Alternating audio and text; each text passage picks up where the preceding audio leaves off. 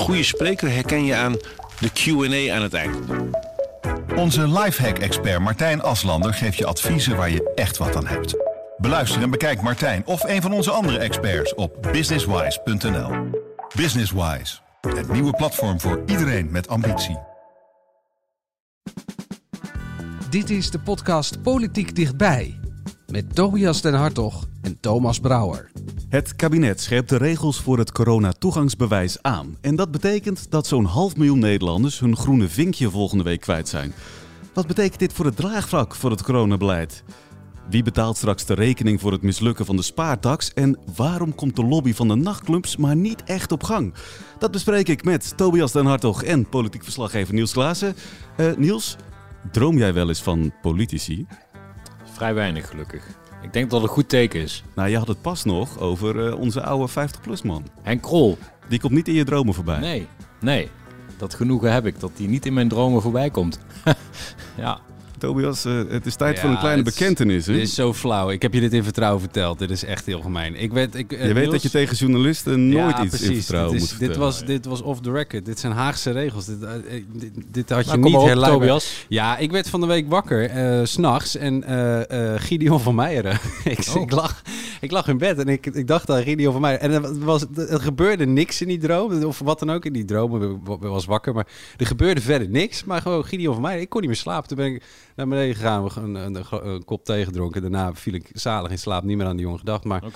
Ja, dat, dat, heb je blijkbaar wel eens. Niet even laten uitleggen wat dat dan betekent als je wakker wordt met Gideon van Meijer. Ja, nee, nee, nee, maar hij deed ook niks. Dus ik weet niet of er heel veel te verklaren is. Er gebeurde ook niks. Het was gewoon, uh, de, ja, waarschijnlijk in verband met uh, de forum dat met de, de, GGD een filmpje met uh, geheime beelden oh, ja. hè, dat ze hadden gemaakt bij de GGD uh, van kinderen die wilden zich wilden laten vaccineren, dat daar ja, misstanden aan de hand zouden zijn, iets wat de GGD overigens ontkent. Maar ik denk ja, dat dat een beetje in mijn hoofd rond uh, ja, Hij was ook dwaalde. in het nieuws vanwege zijn uh, een, een, nieuwe rol. Uh, hij komt op de kieslijst voor ja. de afdeling Den Haag van Forum. Dat zou ja. zijn derde zijn derde functie als volksvertegenwoordiger, volksvertegenwoordiger worden. Ja, dus, het, het trippelmandaat, zeg maar. Ja, is, drie petten op. Ja, dan is hij Kamerlid, Statenlid en gemeenteraadslid straks. Ja. ja. dat is wel. dat, je ziet dat wel vaker bij. Uh, uh, bij Forum hadden ze ook eerder iemand met een twee- of drie dubbel mandaat. Maar, zelf ook, hè? Haagse gemeenteraad. Vrij weinig gezien daar ooit. Ja, dat is waar. is ook nog gebeurd. Ja, en, en je, je, mag het ook combineren. Het mag, hè. Je mag niet Europa met uh, het Kamerlidmaatschap combineren. Maar je mag wel die lokale dingen combineren met het, met het uh, mm. Tweede Kamerwerk. Ja, volgens mij heb je dan nergens tijd voor. Want het nee. is volgens mij een knetterdrukke baan. Maar wel risico dat je nog meer over hem gaat dromen. Ik ga me een beetje zorgen maken over de gezondheid van een baan als politiek verslaggever, jongens. Ja, het is wel. Ik hoop dat de, de, de hogere bazen bij ons meeluisteren. Dat ze denken, ja. oeh, die jongens die, uh, zijn me overwerkt. Of het binnenkort goed gaat komen met je nachtrust, dat is nog even de vraag. Want de nachtclubs die willen deze maand weer open. Daar hebben we het straks uh, zeker over. Nu eerst, uh, ja, toch wel bijzonder nieuws van deze week. Die Corona Check app. Woensdag ging een meerderheid van de Tweede Kamer akkoord met het plan voor een beperkt geldige QR-code. En daardoor vervalt op 8 februari het toegangsbewijs van zeker een half miljoen mensen. Ja, kun je eindelijk naar de bioscoop, de dierentuin, uh, weer naar het restaurant, blijkt dat je QR-code niet meer geldig is. Ja, dat is eigenlijk een uh, corona-ongeluk in, in de aanpak, want dit is gewoon niet goed gegaan. Virologisch kan je er wel wat voor zeggen. Hè, dat je uiteindelijk na een genezing of na een volledige vaccinatie, twee dus niet de boost, dat je uiteindelijk je immuniteit afneemt. Hè. Ik bedoel, je belt Marion Koopmans hier uh, in het Erasmus en die zal het beamen. Uh, wat het kabinet alleen nagelaten heeft om dat goed te vertellen. Om gewoon op tijd te gaan waarschuwen. Blijkbaar in december in een Kamerbrief gestaan. Uh, die dingen zijn honderd kantjes lang. Um, de Europese Commissie had er wat over geroepen. En daarmee veronderstelde men op het Binnenhof dat het wel bekend zou zijn. Dat ja, iedereen dus, zou weten. Ja, dat uiteindelijk een beperkte houdbaarheidsdatum komt op je twee vaccinaties. Want daar hebben we het over. Hè. Als je een boost hebt gehad, zit je safe, even zo gezegd. Maar als jij twee prikken hebt gehad langer dan negen maanden geleden, 270 dagen. Of als je genezen bent van het virus langer dan een half jaar, dat was vroeger een jaar. Dan ben je gewoon je QR-code kwijt. Kun je weer naar die teststraat die nu al overvol is. Ja, dat is een domper. Blijft toch typisch dat dit dan opeens zo voorbij komt, toch? Ja, communicatief heel raar. Maar ik vind ook, Niels, dat weet jij beter dan ik. Maar bijvoorbeeld, uh, er wordt naar harmonisatie gezocht dan. Hè? Ja. Binnen de EU wil, wil men dan naar 180 dagen in plaats van 365 dagen. Want dat is fijn als we daar een beetje uniform in opereren binnen de EU. En daar is Uh, nou ja, gezondheidstechnisch ook genoeg voor te zeggen. Hè. Dat heeft met, dan met het aantal uh, ziektekiemen nou ja, enzovoort. Jij weet het beter dan ik, maar dat is allemaal zeg maar, wetenschappelijk verantwoord. Maar dan zit bijvoorbeeld Oostenrijk, zit, die houdt dan weer een tijd lang vast, hè, zolang als het kan. Want die harmonisatie is nog geen feit. We doen nog niet allemaal hetzelfde in Europa. En, en Oostenrijk houdt dan vast aan 210 dagen, zodat de mensen, hè, de 210 dagen als je hersteld bent van... Uh, uh, van het virus of je hebt je prikken gehad. En, want dan kunnen we lekker die mensen laten komen skiën. Ja, dat doet, dat doet toch wel heel. Met andere woorden, het is vreemd aan. Tamelijk willekeurig. Ja. Kijk, er is overeenstemming over het feit dat je antistoffen-immuniteit gewoon zwakker wordt. Ik bedoel, dat weten we. We zien mensen in onze eigen omgeving die zelfs na een boost gewoon besmet raken. Dus dat, daar hoef je niet voor gestudeerd te hebben. Alleen, waar leg je dan die knip? Nou, dan denken ze mooi, en Nederland loopt daar vaak in voorop. Laten we het mooi met Brussel samen doen. Of in ieder geval proberen zoveel mogelijk. Ja, en dan, dan zie je dat dat een leuk streven is. Maar dat landen gewoon hun eigen willekeurige termijnen gaan hanteren. Overigens zit Nederland met een half jaar nog best wel hoog. Je hebt dus ook landen die een herstel van corona nog korter accepteren. Dus nou goed, daar kun je... Ik was zelf in Oostenrijk trouwens. Daar zie je wel hoe de coronapas en 2G, 3G... hoe daar handhaving kan, uh, kan werken. Want, hoe werkt dat dan? Er werden gewoon mensen eigen weggestuurd. Ze zaten bij de tankstop een broodje te halen. En die man vroeg, uh, zijn jullie gevaccineerd? Drie van die kerels.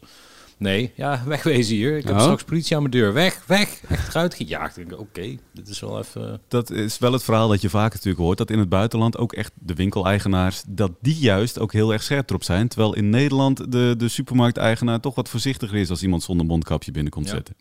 Ja, ik was in, eh, in eh, eh, het najaar was ik in Griekenland, in een, in een verlaten dorpje. Want dat is met, in de zomer is het daar, is het daar stampvol en in, de, in het najaar is het daar hartstikke rustig. En ik, ik zweer het je, het was een winkelstraat. Allemaal winkels, allemaal leeg. Ik liep daar alleen met mijn vrouw en eh, op een gegeven moment eh, wilden we een winkeltje binnen. En we hadden geen mondkapjes bij, gewoon vergeten, lagen in de auto. En dus toen zei de kerel, ja, masker. Ja, in, in de auto. Ja, jammer dan. En werkelijk die straat, je had een kanon af kunnen schieten alle kanten op en niks levens kunnen raken. Ja. Dus ja, boetes van de politie, zei hij. Ja, Ja, ik ben uh, doodsbenauwd, ja. Dinsdag raken dus een half miljoen Nederlanders hun eh, QR-code kwijt, een groene vinkje. Ja, dat zijn de eerste. Dat hè, zijn de eerste, want- groep is 5 miljoen mensen. hè. Exact, Ja. we zijn er nog niet. Nee. nee, 5 miljoen Nederlanders hebben gekozen voor de eerste twee vaccinaties. De volledige eerste serie. En nog niet of niet de boost. Eh dat is een goed recht.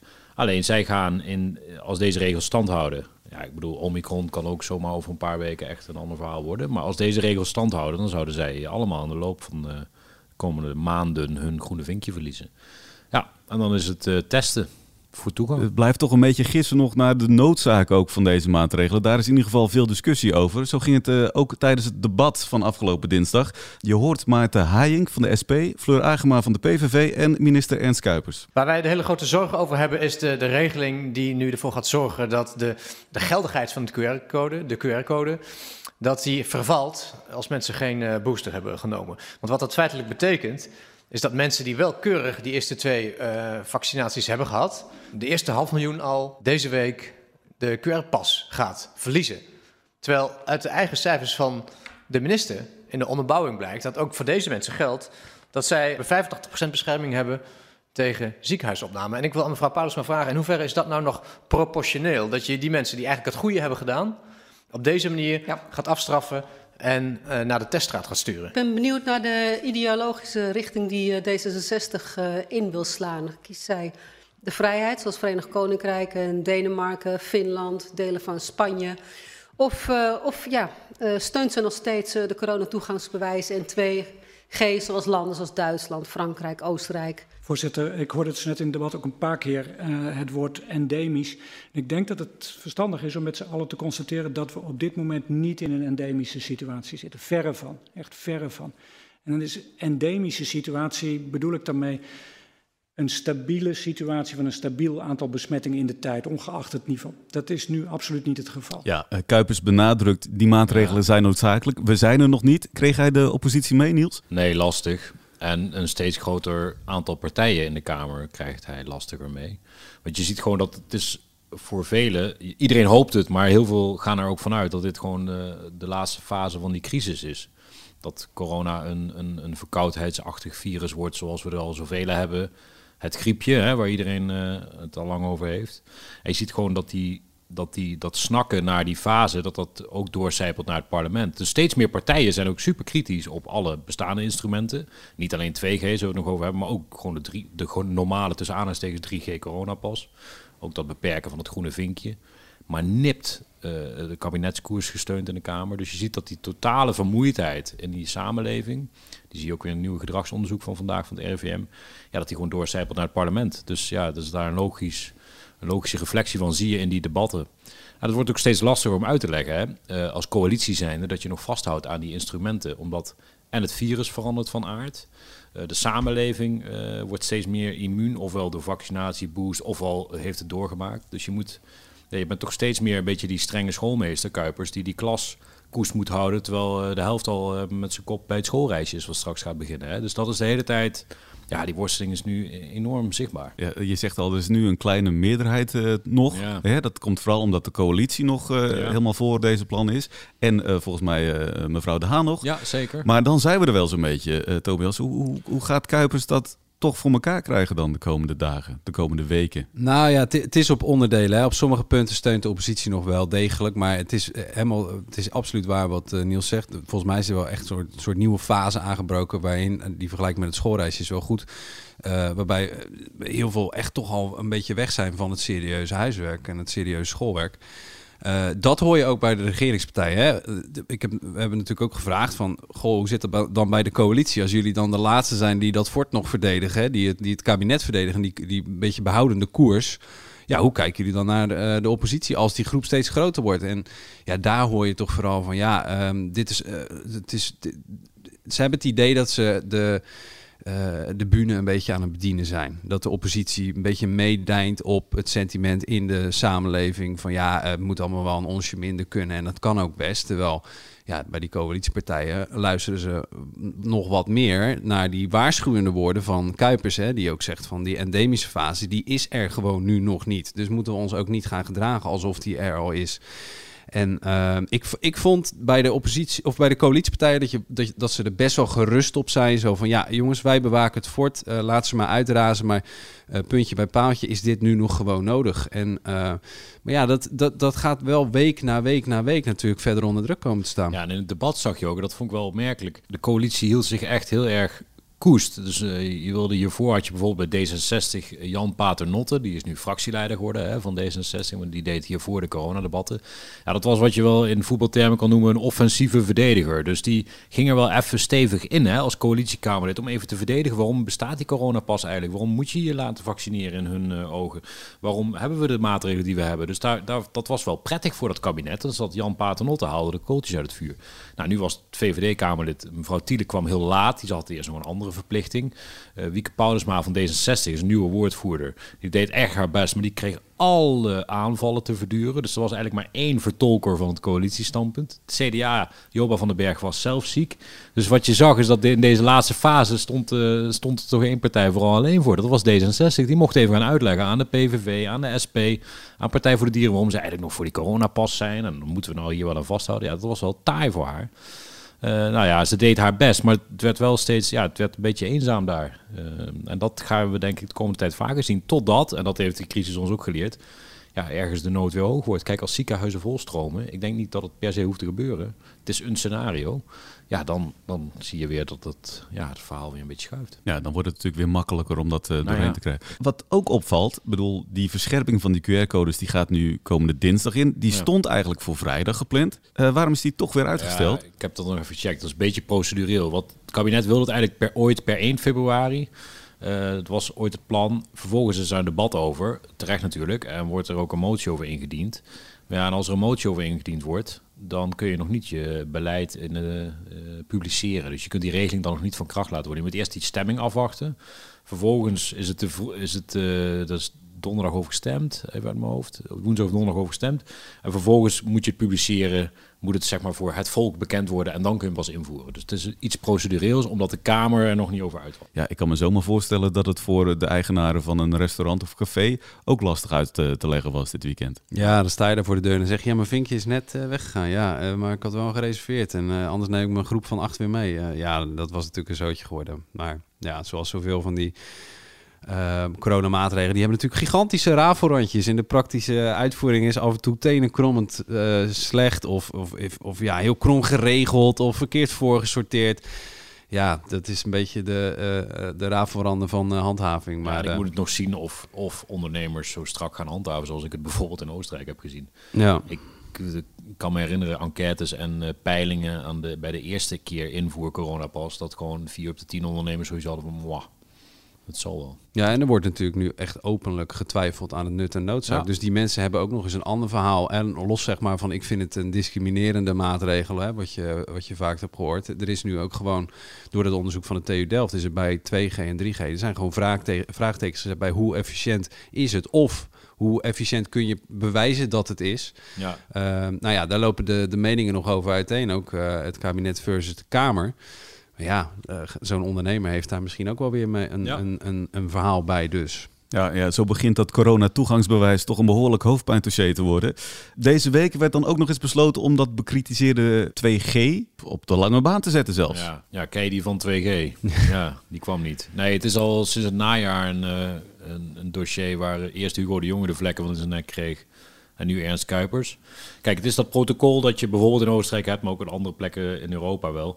Dat als je gevaccineerd of genezen bent, dat je toegang hebt. hè. Ja, Dus dat is die 2G, hè? Testoptie Genezen, gevaccineerd. Precies. Dus die negatieve test die nu ook mag, hè, 3G, die zou er dan uitvliegen. Ja, sinds de zomer is dat opgeschreven door OMT-brieven. In het najaar zei het kabinet, nou, misschien een prima manier om uit een lockdown te komen. Kijk ons dus hier zitten met Delta, hè, ziekenhuizen dreigen over te lopen. Stel dat we uit de lockdown kunnen met 2G, moeten we dat doen. Maar ja, toen veranderde het spel. Hè. Omicron kwam, Delta ging liggen. Eh, 2G versus 3G, ook die nieuwe studie van TU Delft toont aan, is niet zo'n heel groot effect. Je hebt over procentpunten verschil in de optimale situatie als je het overal gebruikt. Maar wat doe je dan? In ruil daarvoor zet je dus wel tegen 1,8 miljoen mensen sowieso, of misschien wel meer inmiddels. Ja, sorry, voor jullie geen plek hier. Hè? Dus die balans is helemaal veranderd. Waardoor ook in de politiek veel meer twijfel is, veel meer kritiek al dan het was bij Delta. Dus eigenlijk is het een onbegonnen zaak voor het kabinet om dit nu in te voeren. En dan zegt Ernst Kuipers, minister van Volksgezondheid, ja, maar we weten niet wat hierna komt. Hè? Moeten we misschien na Omicron toch iets in de gereedschapskist hebben liggen? Ja, wat je nu voelt aankomen, we moeten die stemming afwachten. Ja, want die is komende dinsdag, hè, die stemming. dinsdag. Ja, en dan wat we nu moeten gaan zien is of partijen daarin meegaan. Wil je al iets in je gereedschapskist leggen waar we het eigenlijk al niet mee eens zijn of waar we heel veel aarzeling bij hebben, die een heel grote groep uitsluit? Ja, ik, zou nu inschatten dat hij het niet gaat halen, 2G. Dus dat hij echt definitief de prullenbak in zou gaan. Ja, 2G of niet, als het aan de nachtclubs ligt, gaan zij 12 februari open. Iedereen verdient de nacht om zichzelf te leren kennen of te zijn. En wie dat niet inziet, zit te slapen. En daarom staat de nacht op om de overheid en iedereen wakker te schudden. Ons plan ligt klaar en we bespreken het graag met iedereen die er ideeën over heeft. De nacht kan het aan. De nachtclubs gaan weer open. Op 12 februari vanaf 9 uur. En niet voor één nacht, maar gewoon weer elke nacht. De nacht staat op. Jij ook? Ja, na zo'n aankondiging verwacht je toch bijna dat alle politici weer voor de camera springen en zeggen dat ze het hier helemaal mee eens zijn. Maar het bleef oorverdovend stil. Ja, ja de, de nachtclubs hebben nog niet heel veel traction in, eh, in Den Haag. Hè? Hoe kan dat?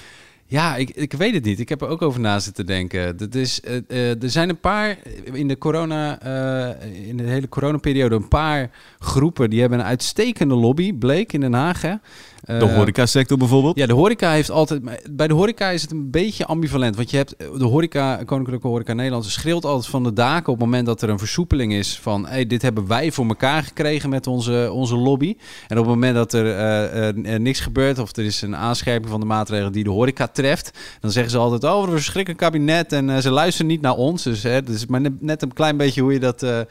Eh, ehm, eh, hoe je dat waardeert. Eh, maar daar, daar is in ieder geval wel een sterke lobby van. Dat geldt ook, ook voor de sportscholen. Daar is ook wel echt heel lang, in het begin zeker, dat kunnen we ons bijna, bijna niet meer herinneren omdat het zo lang en dicht is geweest. Maar in het begin zeker heel lang meegedacht over kunnen we die sportscholen toch niet open houden, open eh, heropenen. Dus die hebben ook een vrij, vrij stevige eh lobby. Casino's aan het begin, volgens mij. Ja, casino's echt all the Aan way. begin. Ja, die zijn echt. Ja, ja, maar daar hebben wij ook belangen, hè? Staats, staatsbelangen Ja. in natuurlijk. Dus, maar dat is echt bizar dat de casino's en altijd maar eigenlijk door blijven draaien.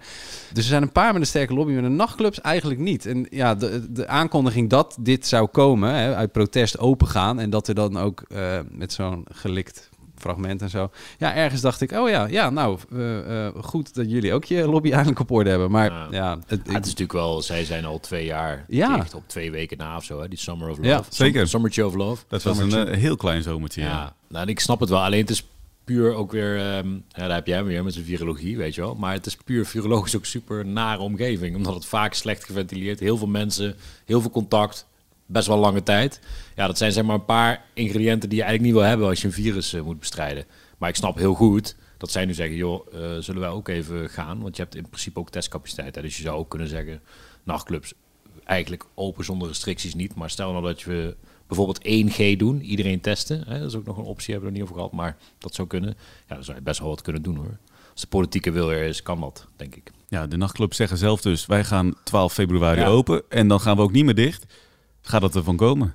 Ik zie jullie al meteen, ik zie de wenkbrauwen fronsen. eh, ik, hoef, ik hoef mijn agenda niet vrij te houden op de 12e. Nou ja, de al. twaalfde wel, denk ik. Want dat gecontroleerde anarchie, daar heeft Nederland wel een beetje ervaring mee. Weet je, Ja. niet de ene dag dat die horeca open, even open ging uit protest. Dan denkt de politie, nou laten we niet met de lange lat eroverheen gaan. Laat het maar even uitrazen. Maar morgen is het feestje echt voorbij. Dus dat zou ook nu wel weer kunnen gebeuren. Hè? Gewoon dat er één één dag. avond is. Eén ja. avond. Pak je moment, Thomas. Ja, ik zou toch, ja, kwam je aan en ga er naartoe. Maar de, ik zou er niet op rekenen dat je een dag later weer eh, mag. Dan zou het wel zo kunnen zijn dat je een boa of een agent voor de deur eh, treft. eh, die toch echt zegt: ja, jongens, de toko blijft gesloten. Ja, als je nu zit te luisteren en je hoort het woord spaartax, dan haak je misschien al heel snel af. Niet doen. Niet doen, Tobias. Het gaat over heel veel geld. Want jij Heel gaat, veel. je, jij gaat straks allemaal vertellen waarom dit toch echt heel interessant is. Maar nu eerst Ik veracht uw woorden. Schaamt u zich eigenlijk niet? De bestuurscultuur, de nieuwe bestuurscultuur. Factionem cartellum. Doe eens normaal, man. Lekker zelf normaal. De woorden zijn teruggenomen. Dat ik een bewuste uitspraak heb gedaan die ik heb gedaan. Ja, de opvallende uitspraak van de week. Eh, Tobias, jij als enig jurylid van deze verkiezing... eh, een beetje de Maarten van Rossum toch wel, eh, Rol. Eh, jij, jij koos voor een moment uit het vragenuur van afgelopen dinsdag. Daarin stelt Senna Matoeg van GroenLinks een vraag aan minister Karin van Gennep van Sociale Zaken over de kinderopvangtoeslag. Ja, deze moet je toch heel ja, even... even kort inleiden hè, Ja. misschien. Nou, het, gaat, het gaat eigenlijk om, in dit regeerakkoord is afgesproken dat de kinderopvang eh, in principe gratis wordt. Nou, is dat in principe, dat betekent namelijk dat het maar voor 95% of maar, het wordt voor 95% eh, gratis in Nederland. Dus heel lang gekeken tijdens de formatie, kunnen we het helemaal gratis maken, want dat is lekker enzovoort. Maar dan, goed, er bleken haken en ogen. eh, nog los van de prijzen bleek ook wat haken en ogen te zijn, want de ene eh, kinderopvang is de ander niet. Maar goed, het is uitgekomen op 95 En dat is op zich, klinkt gewoon lekker, hè? 95 goed, ja, ja. precies. Maar het, er zit wel iets raars aan. Want voor de laagste inkomens, eh, die kregen al kinderopvang vergoed. Mensen met de laagste inkomens, tot en met 96% Dus die gaan er 1% op achteruit. Juist, die gaan er 1% op achteruit. Nou, eh, wij en collega Edwin van der A, die is gaan rondbellen ook eh, binnen de coalitie. Van, joh, hoe is dat nou gegaan bij die formatie? Waar is dat ene procentje gebleven? Dat is eh, op een of andere manier opge... eh, ja, dat is in, in lucht opgegaan, lijkt het. Nou, binnen de coalitiepartijen, de, de mensen die hebben meegeformeerd al die maanden in een gesloten deuren. Eigenlijk kan niemand met een goed verhaal komen over waar dat ene procentje nou is gebleven. De een zegt, ik weet het niet. Ja, eh, 95 klonk eh, prima. Oh, ik wist niet eens dat er eh, dan een procent afgaat. De verhalen zijn divers, maar eigenlijk komt er geen goed antwoord op. Karin van Gennep is nu eh, de minister die dit eh, eh, moet gaan uitvoeren. En die zegt, ja, dat ene procentje, dat wordt gecompenseerd door een hoger minimumloon. Dus die mensen die op achteruit gaan, die krijgen dat op een andere manier weer terug. Nou, daar vindt Senna Matoeg dus iets anders van. Als we met elkaar beleid maken en we zien dat in de uitwerking het vaak anders uitpakt dan in de plaatjes, moet je dan niet zeggen fundamenteel, we gaan de laagste inkomensgroepen er niet op achteruit laten gaan. We gaan op een andere manier dat doen, want er ligt een ontzettend mooie aanzet in het regeerakkoord. Waarom zo slordig die 100 of 60 miljoen bij de laagste inkomens weg moeten halen? Zouden we dat niet nu meteen moeten repareren en zeggen, wij gaan ervoor staan, we laten de wet zoals die is voor die laagste inkomensgroep, dat blijft 96 procent. Zou de minister dat niet eigenlijk gewoon graag willen zeggen? De minister. Nee, dat wil de minister niet graag zeggen. Want we gaan natuurlijk niet vandaag, drie weken nadat we begonnen zijn, alvast het coalitieakkoord veranderen. Nee. Nou, dat is in ieder geval duidelijk. Ja, dat is duidelijk. Hè, Kuipers noemde ik een strenge schoolmeester, maar dit is als een, eh, een evenknie dan... eh, Zeker, zeker. ja, het- als je dit zo hoort, dan komt er van die nieuwe bestuurscultuur nog maar weinig terecht. Hè? Nou ja, precies. Dat is een beetje waarom ik erop aansloeg. Ik dacht, oh ja, wacht even. Senna Matoeg is dus van uh, GroenLinks. En uh, dit kabinet heeft zich voorgenomen... wij gaan niet ijzeren heinig met z'n viertjes... met hele krappe meerderheden in de Tweede Kamer... al ons beleid uh, iedereen door de strot douwen. Nee, de oppositie moet gaan meedenken... en moet wat te zeggen hebben, moet wat ja, het moet gewoon wat meer onderdeel worden van die nieuwe bestuurscultuur. En Senna toch is van GroenLinks. Uh, dus dat is zeker een van de partijen waar de coalitie dan naar kijkt. Hè. PvdA is nog zo'n partij. Daar vallen zaken mee te doen. Daar, daar is zaken mee te doen. Daar willen ze ook zaken mee doen. In principe met alle partijen in de Tweede Kamer. Maar je weet, hè, bij een paar partijen hebben ze een voorkeur. Want dan weten ze, daar kunnen we van op aan enzovoort. Nou, GroenLinks is daar één van. En ja, dit is. Ik zeg niet dat uh, uh, van Gennep dat het reëel is om uh, tijdens het vraaguurtje te zeggen. Nou, uh, goed idee, oké, dan gooien we dat regeerakkoord maar in de prullenbak. Ik bedoel, dan hebben ze, dan heeft van Gennep natuurlijk een, een, levensgroot politiek probleem. Hè? Dan staat Den Haag trilt dan op zijn grondvesten, want dan zijn alle afspraken die zijn gemaakt tussen de vier regeringspartijen zijn ineens, ja, zijn ineens volatiel. Maar het is wel, ik vind de stelligheid en de pinnigheid zij kan ook een slechte dag hebben, maar waarbij ze, waarmee ze GroenLinks uh, de deur wijst, dacht ik, ja, dat, daar moet je wel mee uitkijken, denk ik dan. Ja. Of is dat, oh, is het, zoek ik het te veel achter, Niels? Nee, helemaal niet. Ik, ik denk hetzelfde. Ik denk alleen wel dat deze coalitie, en dat wordt natuurlijk ook weer zo, ook die nieuwe bestuurscultuur, daar gaan we natuurlijk ook heel veel plezier aan beleven. Alleen het etiket al. Want van de week was ook volgens mij een debat over Oekraïne, waarin dan wat, wat eh, verschillen van inzicht waren tussen coalitiepartijen. En toen zei een oppositiekamer dit nou uh, het gaat lekker met die coalitie. En dan zeggen ze in de coalitie weer... ja, maar dit is wel de nieuwe bestuurscultuur. We kunnen gewoon lekker ruzie maken intern. Dus het wordt zeg maar door alle partijen te pas en te onpas erin gegooid. En ook terecht natuurlijk. Alleen, ja, iedereen heeft er ander beeld bij, andere verwachtingen van. En nou ja, dat wordt natuurlijk ja, voor ons wel smullen in die Ja, zin, die, die term, de, de nieuwe bestuurscultuur, is, dat is een duizend dingen doekje echt. Dat ga je overal terugzien, overal bij gebruik en horen. Maar in dit geval dacht ik, ja, nou, als, als Senna toch nu een boom had opgezet over... hé, maar luister eens, wij zouden toch gaan meedenken. Wij denken nu mee. Ik bedoel, het is niet zo dat uh, uh, GroenLinks of PvdA ineens even zegt van... hé, ik weet dat je daarmee een gat op je begroting hebt van 50 miljoen... maar stuur me even een tikkie, dan regelen we dat. Zo is het natuurlijk ook niet. Dus het, ik snap ook van Gerrit wel, maar ja, het is... Ja dit soort dingetjes moet je denk ik wel in de gaten houden. Hey, we hadden het in deze podcast al over hoofdpijndossiers. En ik hoop dat ze een flinke voorraad paracetamol hebben ingeslagen. Want het mislukken van de spaartax, dat is er ook wel eentje. Kijk, Marnix van Rij is de staatssecretaris Fiscaliteit. Ik heb onthuld dat ik wel eens wakker lig van, uh, uh, van de politiek. Maar uh, deze man die heeft sinds, de, sinds kerst ongeveer... heeft hij denk ik slapeloze nachten van, van dit dossier. De spaartax is een beetje een populaire term, maar de vermogensrendementsheffing, zoals dat dan officieel heet, daar is hem uh, in 2017, eigenlijk al eerder, maar sinds uh, eh, 2017 in ieder geval, wordt er een bepaalde methode gebruikt waarop de overheid uh, belasting heft bij mensen die spaargeld hebben en beleggingen boven een bepaald bedrag. We hebben het over een flinke bedrag hoor, een ton en die orde van grootte. De Hoge Raad heeft gezegd, zo, zoals de manier waarop de overheid dat belasten, uh, dat deugt niet. Want er werd namelijk uh, een rekenmethode gebruikt waarbij uit werd gegaan van een bepaald rendement, maar dat was fictief. Terwijl mensen wel eens dat rendement niet echt haalden. Dus je betaalde soms te veel belasting. Nou, Van Rij kreeg dat probleem op zijn bord bij zijn aantreden. En die moet nu uh, in ieder geval voor 60.000 mensen die die rechtszaak hebben aangespannen, moet hij uh, gaan compenseren. Daar moet hij geld voor gaan zoeken. Maar uh, die 60.000, dat zijn alleen nog maar de mensen die, naar de, uh, die zich hebben gevoegd in die rechtszaak. Er zijn nog zeker een miljoen, maar misschien wel 2, 3, 4 miljoen Nederlanders... die eventueel ook voor compensatie in aanmerking zouden komen.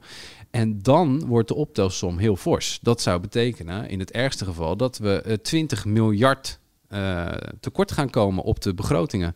En dat is fors. Dat is echt heel fors geld. Dat is een derde van wat we aan klimaat willen gaan uitgeven in de komende jaren. Dus uh, bijvoorbeeld, hè, of de helft van, van het stikstofbudget. Of, Twee nou ja. keer de defensiebegroting bijna. Ja, dus dat is een, een gigantisch bedrag. Dus uh, het kabinet heeft daar in potentie uh, een heel groot probleem. En dat...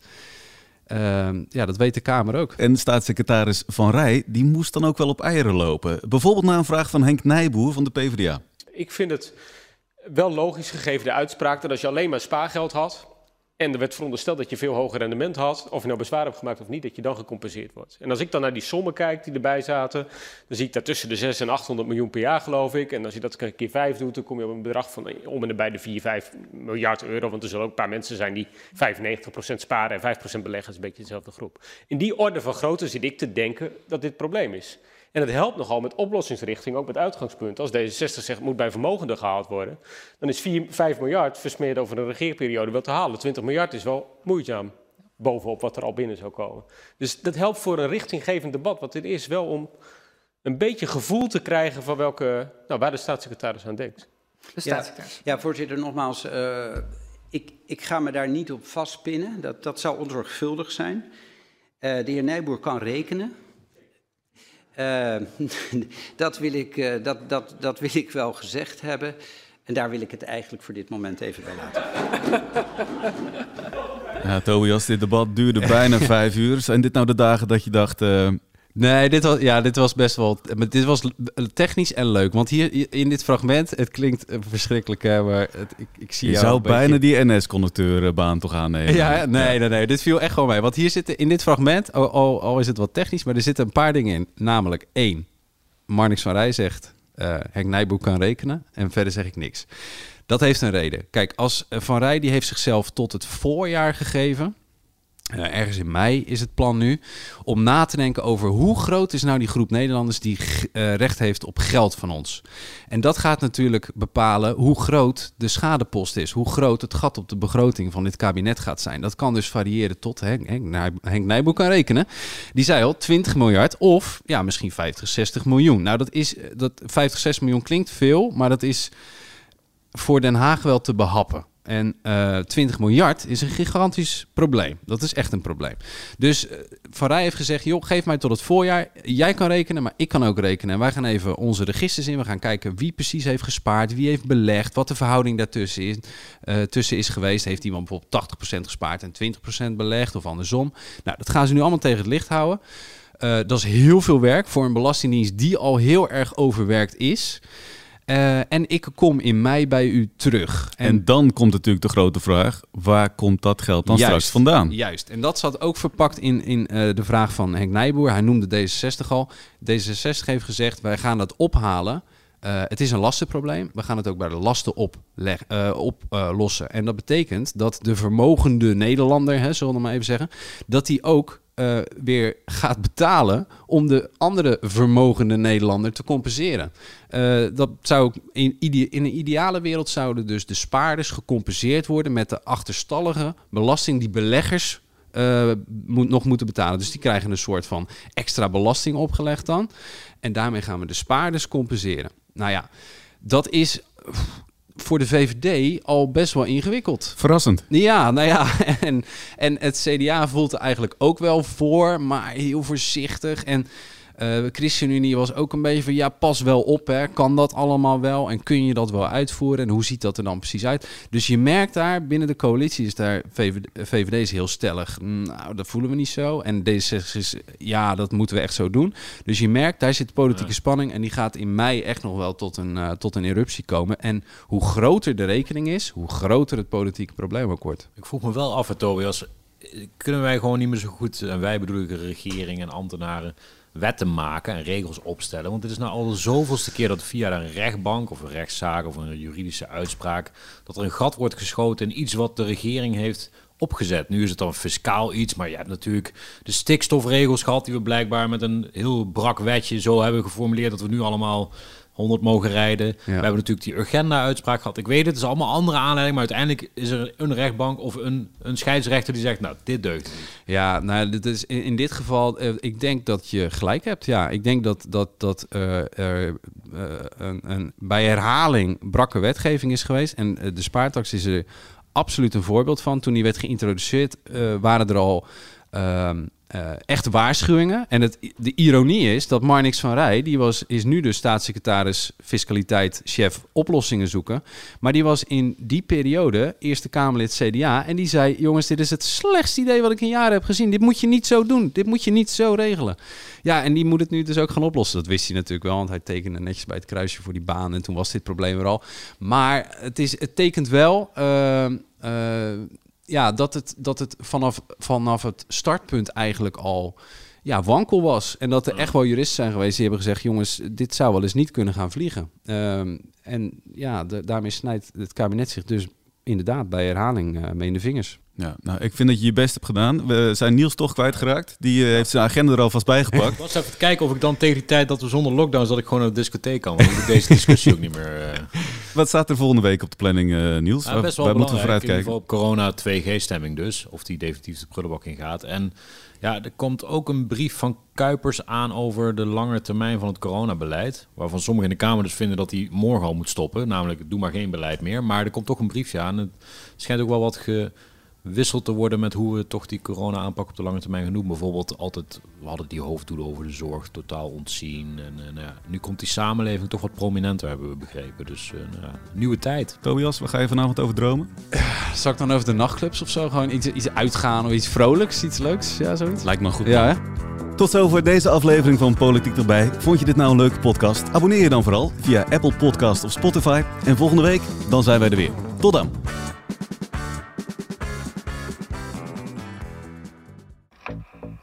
Oud-MIVD'er Hans werd vorig jaar februari doodgevonden in zijn huis. Die dood was verdacht, maar werd toch aangemerkt als natuurlijk. Koen Voskuil deed onderzoek en stuit op het ene naar het andere opvallende verhaal. De podcast De Zwarte Dag van Hans vind je op ad.nl slash podcast. We worden dagelijks overladen met overbodige informatie. En het is moeilijk de zin van de onzin te scheiden. Daarom vertrouw ik op echte journalisten in plaats van meningen.